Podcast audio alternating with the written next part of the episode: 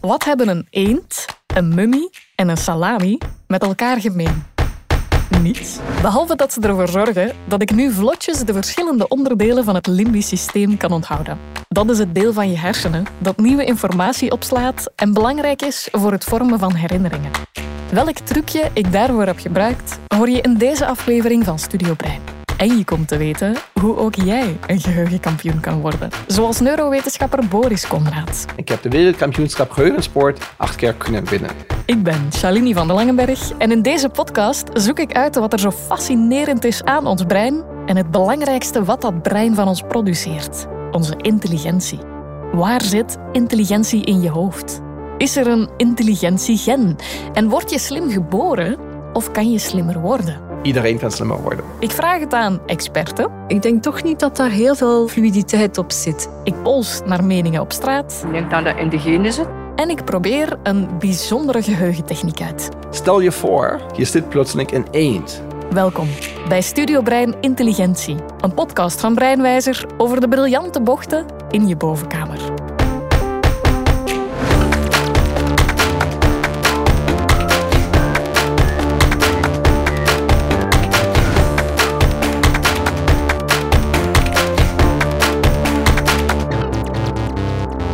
Ken je dat gevoel? Je hebt een goed idee, je bent zeer geconcentreerd aan het werk en het lijkt bijna alsof je hersenen knetteren. Ik stel me dan altijd een elektriciteitscentrale voor, waar de vonken van afvliegen. Ik vind dat een heerlijk gevoel en tijdens deze podcast heb ik het echt waar al een paar keer gevoeld. Maar hoe werkt dat fabriekje in ons hoofd precies? Waar zit intelligentie in ons brein? Of welke gebieden zijn actief in de hersenen wanneer we nadenken? Ik vraag het aan Hilde van Es, klinisch geneticus in het Centrum voor Menselijke Erfelijkheid in het UZ Leuven. Goh, dat is natuurlijk op verschillende plaatsen die uiteindelijk allemaal samenwerken. Er is niet één hersengebied dat zich bezighoudt met intelligentie. Maar als ik toch één gebied misschien moet aanduiden dat wat belangrijk is, is dat de prefrontale cortex, dat is een heel moeilijk woord, maar dat is eigenlijk het stukje van je hersen dat net achter je voorhoofd zit. En dat is eigenlijk het gebied dat zich bezighoudt met hogere hersenfuncties, met bewustzijn, met redeneren. Maar uiteindelijk hebben we alle hersenregio's nodig, want je hebt ook je ogen en je oren nodig. En, en om te spreken heb je je taalschors nodig. Dus uiteindelijk zijn het verschillende hersengebieden die samenwerken. Er is dus niet één hotspot in het brein dat verantwoordelijk is voor je intelligentie. Tom Verguts bevestigt dat. Hij is neurowetenschapper in de vakgroep Experimentele Psychologie aan de UGent. Naast de prefrontale cortex benoemt hij nog twee andere hersengebieden die essentieel zijn om tot intelligent gedrag te komen. Grosso modo kan je zeggen, je hebt de, de cortex, de grote hersenen, je hebt de subcorticale gebieden en dan heb je de hersenstam. De cortex, dat is het gebied dat geassocieerd wordt met werkgeheugen, uh, leerprocessen, nieuwe dingen aanleren. Nu, dat betekent niet dat die andere gebieden daar niet in betrokken zouden zijn. Je ziet eigenlijk dat hele grote gebieden van de hersenen altijd actief zijn bij verschillende soorten taken. Dus de uitdaging is eigenlijk niet zozeer om te kijken welk gebied is er actief, maar wel welk is er niet actief. Of welk is er specifiek actief in deze taak. Ons brein is de centrale computer van ons lijf die alle informatie die we krijgen verwerkt en vervolgens omzet in nieuwe acties. Hoe efficiënt dat proces verloopt, heeft dan weer te maken met onze genen. Is ook dat een wisselwerking, zoals in het brein? Of is er één uitverkoren intelligentiegen? Dat zou maar al te gemakkelijk zijn, dat er één gen is waar dat alles van afhangt. Uiteraard is dat niet zo. Als je bedenkt dat in ons menselijk genoom ongeveer 20.000 genen zijn, dan nemen we toch aan dat er duizenden eiwitten zijn die uiteindelijk mee die hersenen vormgeven en de hersenen op een correcte manier laten werken. En waarschijnlijk is het dan ook zo dat er duizenden genen zijn, of meer dan duizend genen, die allemaal hun kleine bijdrage leveren aan het geheel. Er is niet één enkel belangrijk gen dat alles bepaalt. Andersom is het wel zo dat sommige mensen geboren worden met een foutje, wij noemen dat een mutatie in één enkel gen, dat al de rest overhoop haalt en je toch een verstandelijke beperking kan hebben. Dus omgekeerd kan één enkel gen wel een belangrijk uh, uh, invloed hebben. Er is niet zoiets als één intelligentiegen. Het zijn een heleboel genen die samenwerken om tot intelligentie te komen. En bij de ene mens gebeurt dat vlotter, sneller of efficiënter dan bij de andere. Die kleine variaties in de genen verklaren op genetisch niveau waarom sommige mensen slimmer zijn.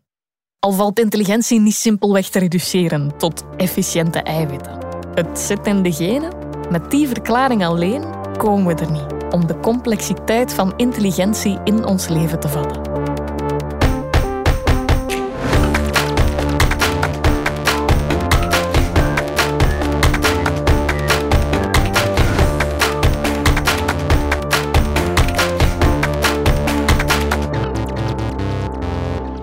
Je kan alles worden wat je wil. Als je klein bent en geluk hebt, krijg je die boodschap te horen van je ouders. Lieve woorden, vol goede bedoelingen, maar eigenlijk hebben diezelfde ouders jou van bij je geboorte genetisch materiaal meegegeven dat je effectieve mogelijkheden in het leven bepaalt. Of is dat te deterministisch en geven we daarmee te veel krediet aan onze genen? Word je slim geboren of kan je slimmer worden? Ik vraag het aan enkele willekeurige voorbijgangers op straat. Ik denk dat er wel mensen zijn die echt met een grotere aanleg of een groter talent geboren worden en dan in de juiste omstandigheden kunnen uitgroeien tot een genie, maar uh, het zal niet een gegeven zijn, denk ik. Ik denk dat dat in de genen zit. Ik denk dat er van nature wel een soort van procentueel verschil zit in hoe slim ben je en waar ben je voor aangelegd en wat niet. Het is goed dat je dat een beetje meekrijgt, maar er moet aan gewerkt worden in de loop van je leven, denk Het is ik. ook Ja. wel het milieu waarin dat je geboren zit, denk ik. Dat dat heel veel doet. Hard werken vooral, ja. Dat is, toch wel, dat is toch wel heel belangrijk. Belangrijk. Dus zomaar eh, slim geboren worden, denk ik niet dat het bestaat. Of zo. Intelligent. Ben of word je dat dankzij geluk, hard werk of toch vooral door op te groeien in goede omstandigheden? Het is het eeuwige debat van nature, wat je meekrijgt bij de geboorte, versus nurture, de omgeving waarin je opgroeit.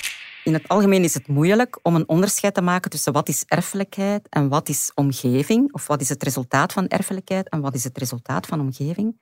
Maar onderzoek uh, toont dat ongeveer de helft van de verschillen in intelligentie te wijten zijn aan erfelijkheid op zich. Volgens hoogleraar schoolpsychologie aan de KU Leuven, Karin Verschuren, is de verhouding tussen nature en nurture ongeveer 50-50.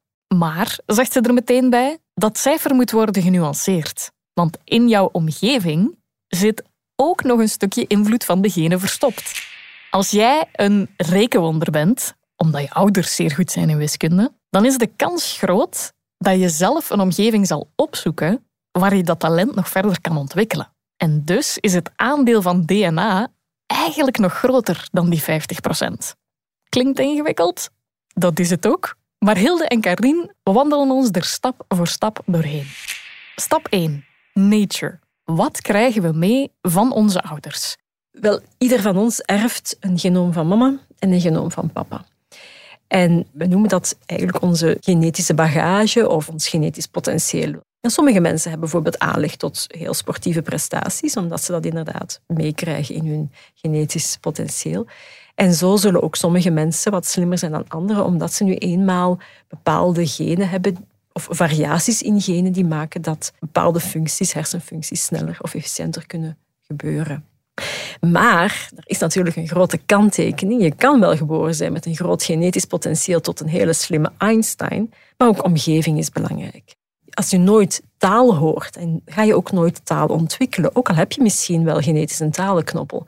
En ook opvoeding en scholing zijn heel belangrijk om net dat genetisch potentieel waar we allemaal mee geboren zijn, volledig tot uiting te laten komen. Ook al ben je geboren met een hele set van Einstein-genen, je hebt nog altijd een stimulerende omgeving nodig om die talenten naar boven te laten komen. Maar dat wil nog steeds zeggen dat je met slimme genomen van mama en papa al van bij je geboorte een voorsprong krijgt. Want wat er niet is, kan ook niet worden gestimuleerd. Wel, op zich is het zo dat het inderdaad een stukje geluk hebben is met degene die je erft van je papa en je mama. En hoe heeft men dat eigenlijk kunnen bestuderen, wat de impact is van de genen op kenmerken zoals intelligentie of kenmerken zoals uh, lengte of bloeddruk en zo verder? Wel, daarvoor heeft men gebruik gemaakt voor experimenten die op een natuurlijke wijze zijn ontstaan. En dan heb ik het hier over tweelingstudies en ook over adoptiestudies. En zoals iedereen wel weet, er zijn twee soorten van tweelingen. Je hebt enerzijds één eigen tweelingen, die delen al hun genetisch materiaal. En dat zijn ook altijd tweelingen van hetzelfde geslacht. En anderzijds heb je de twee eigen tweelingen. En zij delen de helft van hun genen, net zoals een gewone broer en een zus. En dan is men gaan kijken, als het ene lid van een tweeling dit IQ heeft, hoe vaak zie je dat het andere lid van de tweeling ook een IQ heeft in dezelfde grootorde. En dan zie je toch dat de genen een belangrijke rol spelen en dat kan wel oplopen tot 60 à 80 procent. Wat wij noemen heritabiliteit. Dus dat de variatie in genen de variatie in IQ bepalen. En dat is een vrij hoog cijfer. Volgens Hilde wordt 60 tot 80 procent van je intelligentie bepaald door de genen. Dat weten we door vergelijkingsstudies tussen tweelingen en dankzij adoptiestudies. Zeker die laatste zijn bijzonder interessant om naar de invloed van de omgeving op intelligentie te kijken. Dus als een kind gescheiden wordt van zijn biologische ouders en opgroeit in een adoptiegezin, kan je gaan kijken in welke mate komt het kind overeen met zijn adoptiegezin of in welke mate komt het kenmerk overeen met zijn biologische ouders. En ook dat heeft men gedaan voor intelligentie. Het meest interessante zijn eigenlijk de tweelingen, de een-eigen tweelingen, die zijn opgegroeid in verschillende gezinnen. Want daar kan je zowel sterk het biologische, maar ook de omgeving uit elkaar halen. En een voorbeeld is natuurlijk, als een kind in een West-Vlaams gezin opgroeit, gaat hij West-Vlaams spreken en geen Limburgs meer, zoals zijn biologische ouders. Dus dit is iets dat volledig omgeving bepaald is. Maar opnieuw, intelligentie is zeer sterk genetisch bepaald op basis van al deze studies. Zelfs als je je ouders nooit ontmoet, dan nog draag je heel wat dezelfde biologische kenmerken mee, waaronder intelligentie. En dat is opvallend, want je zou toch denken dat omgeving een sterke invloed heeft op hoe het kind zich ontwikkelt. Het lijkt inderdaad paradoxaal, zegt Karin. Maar op latere leeftijd wordt die genetische invloed net groter. We verwachten meestal dat naarmate kinderen ouder worden, de omgeving een grotere, een langere tijd heeft kunnen inspelen en dus een grotere rol zou spelen. Maar het omgekeerde is waar. Dus naarmate kinderen ouder worden, zie je dat die bijdrage van die genetische factoren groter wordt. Zo zie je bijvoorbeeld in adoptieonderzoek, naarmate die kinderen ouder worden, dat zij meer en meer gaan gelijken op hun biologische ouders en minder en minder op hun adoptieouders qua intelligentie. Dus dat toont al aan dat die omgeving die men aangeboden krijgt, een minder sterke rol speelt in vergelijking met die genetische factoren en de omgeving die men voor zichzelf creëert op basis van die genetische factoren. Het zit in de genen, zeggen we dan. En in het geval van intelligentie hebben we inderdaad bijzonder veel te danken aan de ouders. 60 tot 80 procent van onze intelligentie. Maar daarmee zijn we er uiteraard nog niet. Er is ook nog stap 2. Nurture, de omgeving waarin je opgroeit. En hier wordt het een beetje tricky. Want in de wetenschap wordt er nog een extra onderscheid gemaakt tussen de algemene omgeving en de unieke omgeving. Binnen die omgeving is het vooral de unieke omgeving die een rol speelt. En dat wil zeggen de omgeving die iemand voor zichzelf, als het ware, creëert. In een familie kunnen er heel veel boeken voorhanden zijn, maar de ene dochter bijvoorbeeld in die familie, dat is een boekenwurm en die gaat die boeken verslinden. Die krijgt dan ook nog meer boeken voor haar verjaardag bijvoorbeeld en die gaat daar steeds beter in worden. Terwijl de zoon bijvoorbeeld van datzelfde gezin, die heeft die boeken ook voorhanden, maar die gaat daar geen gebruik van maken. Die is daar helemaal niet in geïnteresseerd. Dus die creëert voor zichzelf een andere, unieke omgeving. Broer en zus gaan misschien ook verschillende studiekeuzes maken, waardoor ze een ander aanbod krijgen, waardoor de ene veel meer wiskunde krijgt dan de andere, of veel meer talen krijgt dan de andere. En zo gaat men groeien in intelligentie of minder groeien in intelligentie. Broer en zus delen in dit voorbeeld dezelfde algemene omgeving. Zelfde ouders, zelfde huis, zelfde opvoeding en mogelijkheden. Maar die unieke omgeving, die ze vormgeven op basis van hun geërfde talenten en eigen voorkeuren, zal bepalen hoe ze hun genetisch potentieel zullen benutten. Je zoekt een omgeving op waarin je jezelf helemaal kan ontplooien. Als je ergens goed in bent of je doet het graag, dan ga je automatisch een omgeving opzoeken waar je dat nog meer kan doen of waar dat je dat uh, echt tot volledig tot uiting kunt laten komen. Het wordt stilaan duidelijk dat nature en nurture niet zomaar van elkaar los te koppelen zijn. Uiteraard kunnen we goochelen met percentages. 50% erfelijkheid plus de unieke omgeving die jij samenstelt op basis van dat genetisch potentieel. Of ruwweg 60 à 80% van de intelligentie op basis van de genen. Het komt op hetzelfde neer. De impact van erfelijkheid kan je niet ontkennen. Maar intelligentie is geen kwestie van nature of nurture. En dan komen we bij stap 3. Het belangrijkste ingrediënt om tot intelligentie te komen, dat is de interactie tussen die twee factoren. Dat zegt ook neurowetenschapper Tom Verguts. Het opsplitsen in intelligentie als nature versus nurture, dat veronderstelt dat je een soort optelling kan maken van die twee factoren. Maar dat is niet mogelijk, want die interageren altijd met elkaar. Dus het is heel moeilijk om die getallen zuiver te interpreteren als dit ligt aan de genetische factor of aan de omgevingsfactor. Eigenlijk is het vrijwel onmogelijk om het onderscheid te maken tussen nature en nurture, zegt Tom. En het is al helemaal onmogelijk om daar specifieke percentages op te kleven. Je intelligentie is geen taart waarbij één stuk staat voor milieu en het andere voor je genen. Zie het eerder als een smoothie, waarin alle ingrediënten gemixt worden tot één geheel. Net zoals er geen eenduidige definitie is voor intelligentie, of één plek in je lijf waar al je intelligentie is gestockeerd, is er ook niet één verklaring voor. Word je slim geboren? Ja, want een deel van je intelligentie is het genetische pakketje dat je cadeau krijgt van je ouders. En daar moet je het mee doen. Maar ook nee, want jij bepaalt hoe je die talenten inzet. En je omgeving heeft ook nog eens invloed op hoe effectief je met die gegeven talenten aan de slag kan. Nuance is alles. Dat is ondertussen duidelijk. Als het over onze grijze cellen gaat, komen we er niet met zwart-wit denken.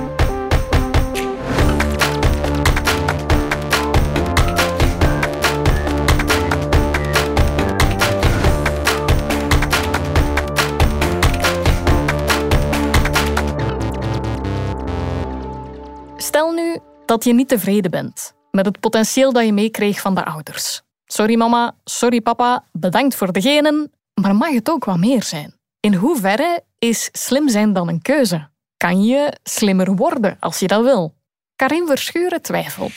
Ik vind dat een moeilijke vraag, omdat het niet onbeperkt is natuurlijk. Je kan niet van jezelf kiezen. Nu kies ik om super slim te zijn. Je gaat daar toch op grenzen botsen. Maar het is wel zo dat je kan kiezen om te investeren in je intelligentie, om te investeren in bijvoorbeeld je wiskundige vaardigheden of je leesvaardigheden. En dan kan je daar wel in groeien. En dan kan je meer groeien dan iemand die daar niet in investeert. Maar je moet natuurlijk ook wel altijd rekening houden met de grenzen die er zijn. Dus je kan niet onbeperkt groeien. De sky is niet de limit. Of het is ook niet zo dat als je je maar genoeg inspant, dat je dan altijd alles kan. Een Einstein-brain is niet voor iedereen weggelegd, maar je kan wel je vaardigheden trainen of vergroten. En hoe je naar je eigen intelligentie kijkt, is ook belangrijk, zegt Boris Conrad. Hij is neurowetenschapper aan het Donders Instituut voor Breinonderzoek in Nijmegen en duidt het belang van de juiste mindset. We praten over fixed mindset als iemand van zich denkt of überhaupt denkt, intelligentie is iets wat vast is gelegd. Je bent geboren met intelligentie laag, middelhoog of niet. Maar je hebt ook een growth mindset. Dat zijn mensen die gewoon denken, nou, misschien ben je geboren met iets, maar het is vooral wat je ermee doet. Veel mensen denken dat hun geheugen niet zo goed is en dat het vast ligt. Als ik hun laat ervaren, dat klopt niet. Je kan veel meer onthouden als je denkt, dan gaat het ook iets met hun mindset doen. Dan durven ze veel meer aan, hebben de motivatie toch weer iets nieuws te leren.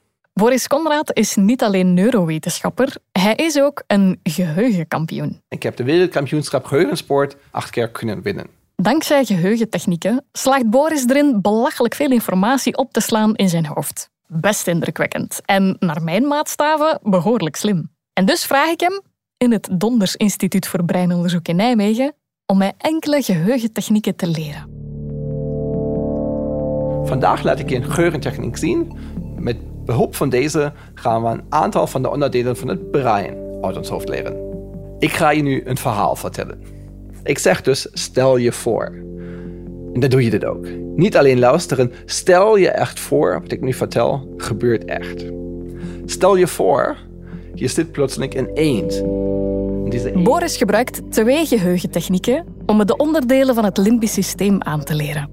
De verhaalmethode en de sleutelwoordmethode. Ik krijg een waanzinnig verhaal te horen over eenden die in de Rijn springen, Deze eend die springt in de Rijn. kamperende nijlpaarden Die kampeert er. en mummies. Lijkt net een mummie te zijn. Geregeld legt Boris extra nadruk op een woord. Die hun mutsen verkocht. De combinatie van een gek verhaal en belangrijke sleutelwoorden zorgt ervoor dat je informatie beter kan onthouden, zegt hij. Omdat het beelden oproept in je brein. Nucleair straling. En hoe gekker het beeld, hoe beter je het onthoudt. We zien deze salami en denken misschien, nou, gaat die nu helpen? Misschien is het ook voor niks, maar we eten ze maar beter op. Maar wat heeft dit nu met het brein te maken? Ha, goeie vraag. Want ik mag dan wel enthousiast worden van geheugentechnieken? Niet iedereen gelooft even hard in de waarde ervan. Klinisch geneticus Hilde van S gelooft niet meteen dat we slimmer kunnen worden. Ons IQ is vrij stabiel en heel fluïde lijkt intelligentie niet te zijn, zegt ze.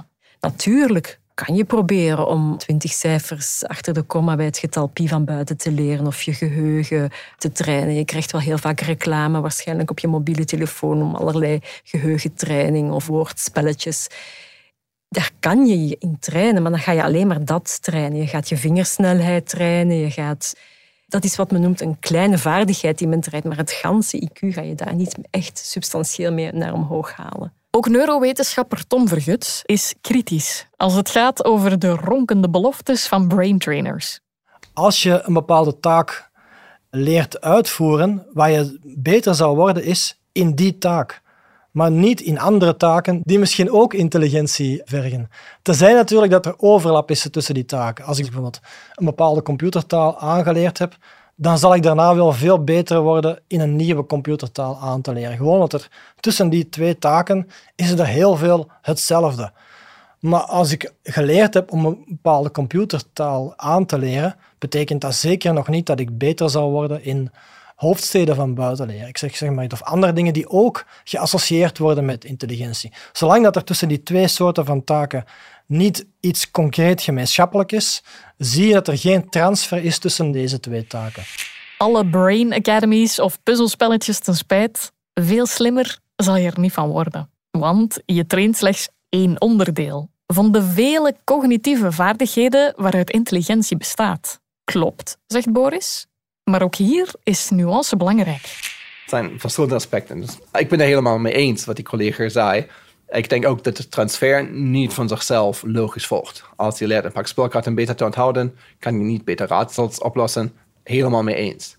Maar geheugen is voor heel veel dingen belangrijk. En als je beter kan spelkaarten onthouden door geheugentechnieken te gebruiken, kan je ook met dezelfde technieken jouw wachtwoorden beter onthouden. Beter nieuwe taal leren, beter in je studies presteren. Dus het is wel een vaardigheid die echt van toepassing is. Nee, je IQ schiet niet de hoogte in van breinspelletjes of trainingen. Daar zijn Boris, Tom en Hilde het over eens. Er is geen transfer tussen raadsels en spelkaarten, puzzels of wiskundesommen.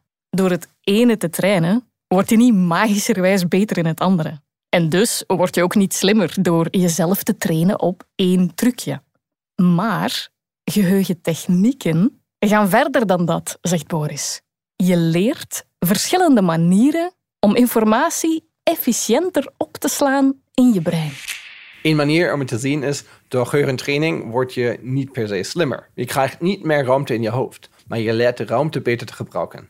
Ga je storage ruimte huren en je gaat gewoon je spullen in de midden gooien, is die ruimte nog steeds niet zo groot. Zet je eerst wat kasten neer, wat dozen waar je dingen in kan opbergen, dan maak je van dezelfde ruimte veel beter gebruik.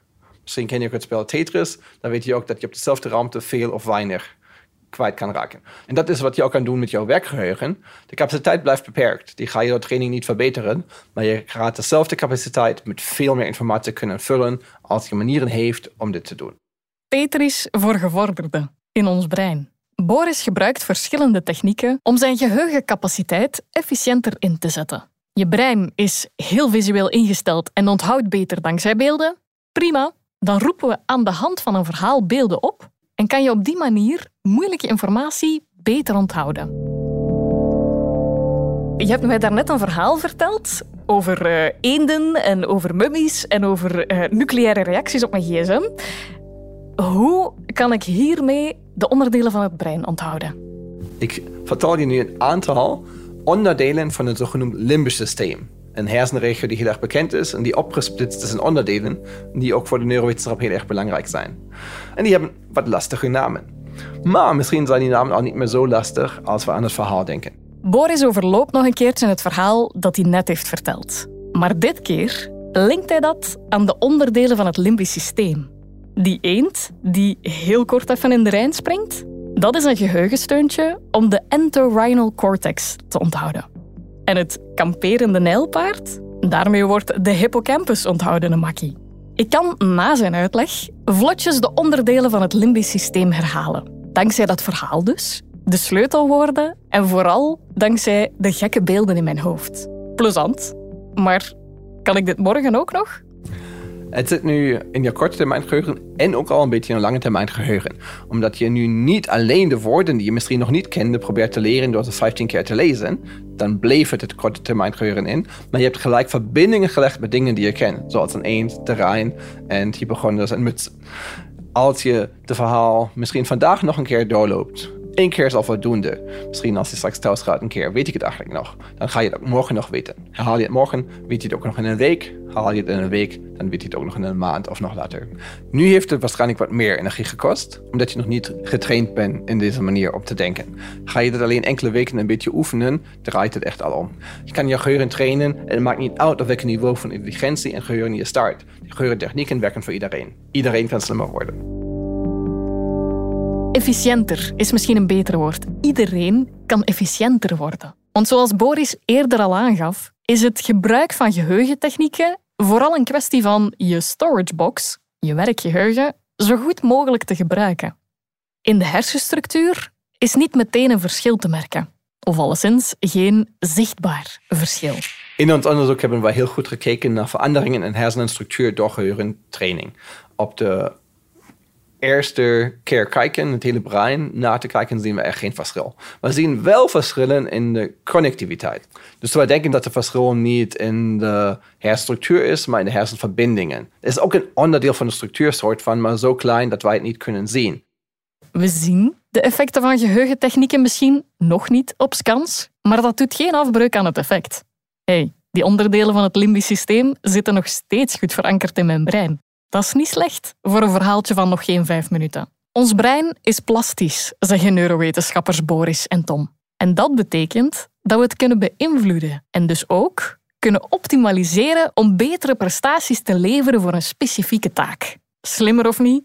Ik heb alleszins mijn eerstvolgende bouwproject gevonden. Een giga-geheugenpaleis.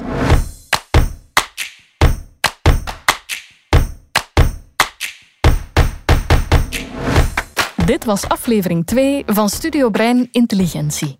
Een podcast van Breinwijzer over de geweldige kronkels in ons hoofd. Met mezelf, Shalini van den Langenberg, en met Boris Konraad, Hilde van Es, Karin Verschuren en Tom Verguts. In de volgende aflevering van Studio Brein onderzoek ik de zin en onzin van intelligentiemetingen. Hoe wordt onze intelligentie gemeten? Waarom is dat nuttig? En moeten er ook niet een aantal kanttekeningen worden gemaakt bij die intelligentietesten? Meestal onthouden mensen alleen dat ene cijfer, maar eigenlijk is het een IQ-vork die je meekrijgt. We zijn curieus naar ons IQ in de volgende aflevering van Studio Brein Intelligentie. Deze reeks werd gemaakt door Podcast Agentschap Uitgesproken. Heb je nog vragen of reacties? Dan zijn die welkom via info.breinwijzer.be of via een review in je favoriete podcast-app. Bedankt voor het luisteren. Hallo daar. Vond jij deze podcast over intelligentie ook zo interessant? Ik ben Lisbeth Gijssel, hoofdredacteur van EOS Psyche en Brein. Dat is een tijdschrift over psychologie en hersenwetenschap. Wil je na het beluisteren van deze podcast op de hoogte blijven van het onderzoek naar alles wat er speelt in ons hoofd? Wil je als eerste lezen over nieuwe doorbraken en inzichten?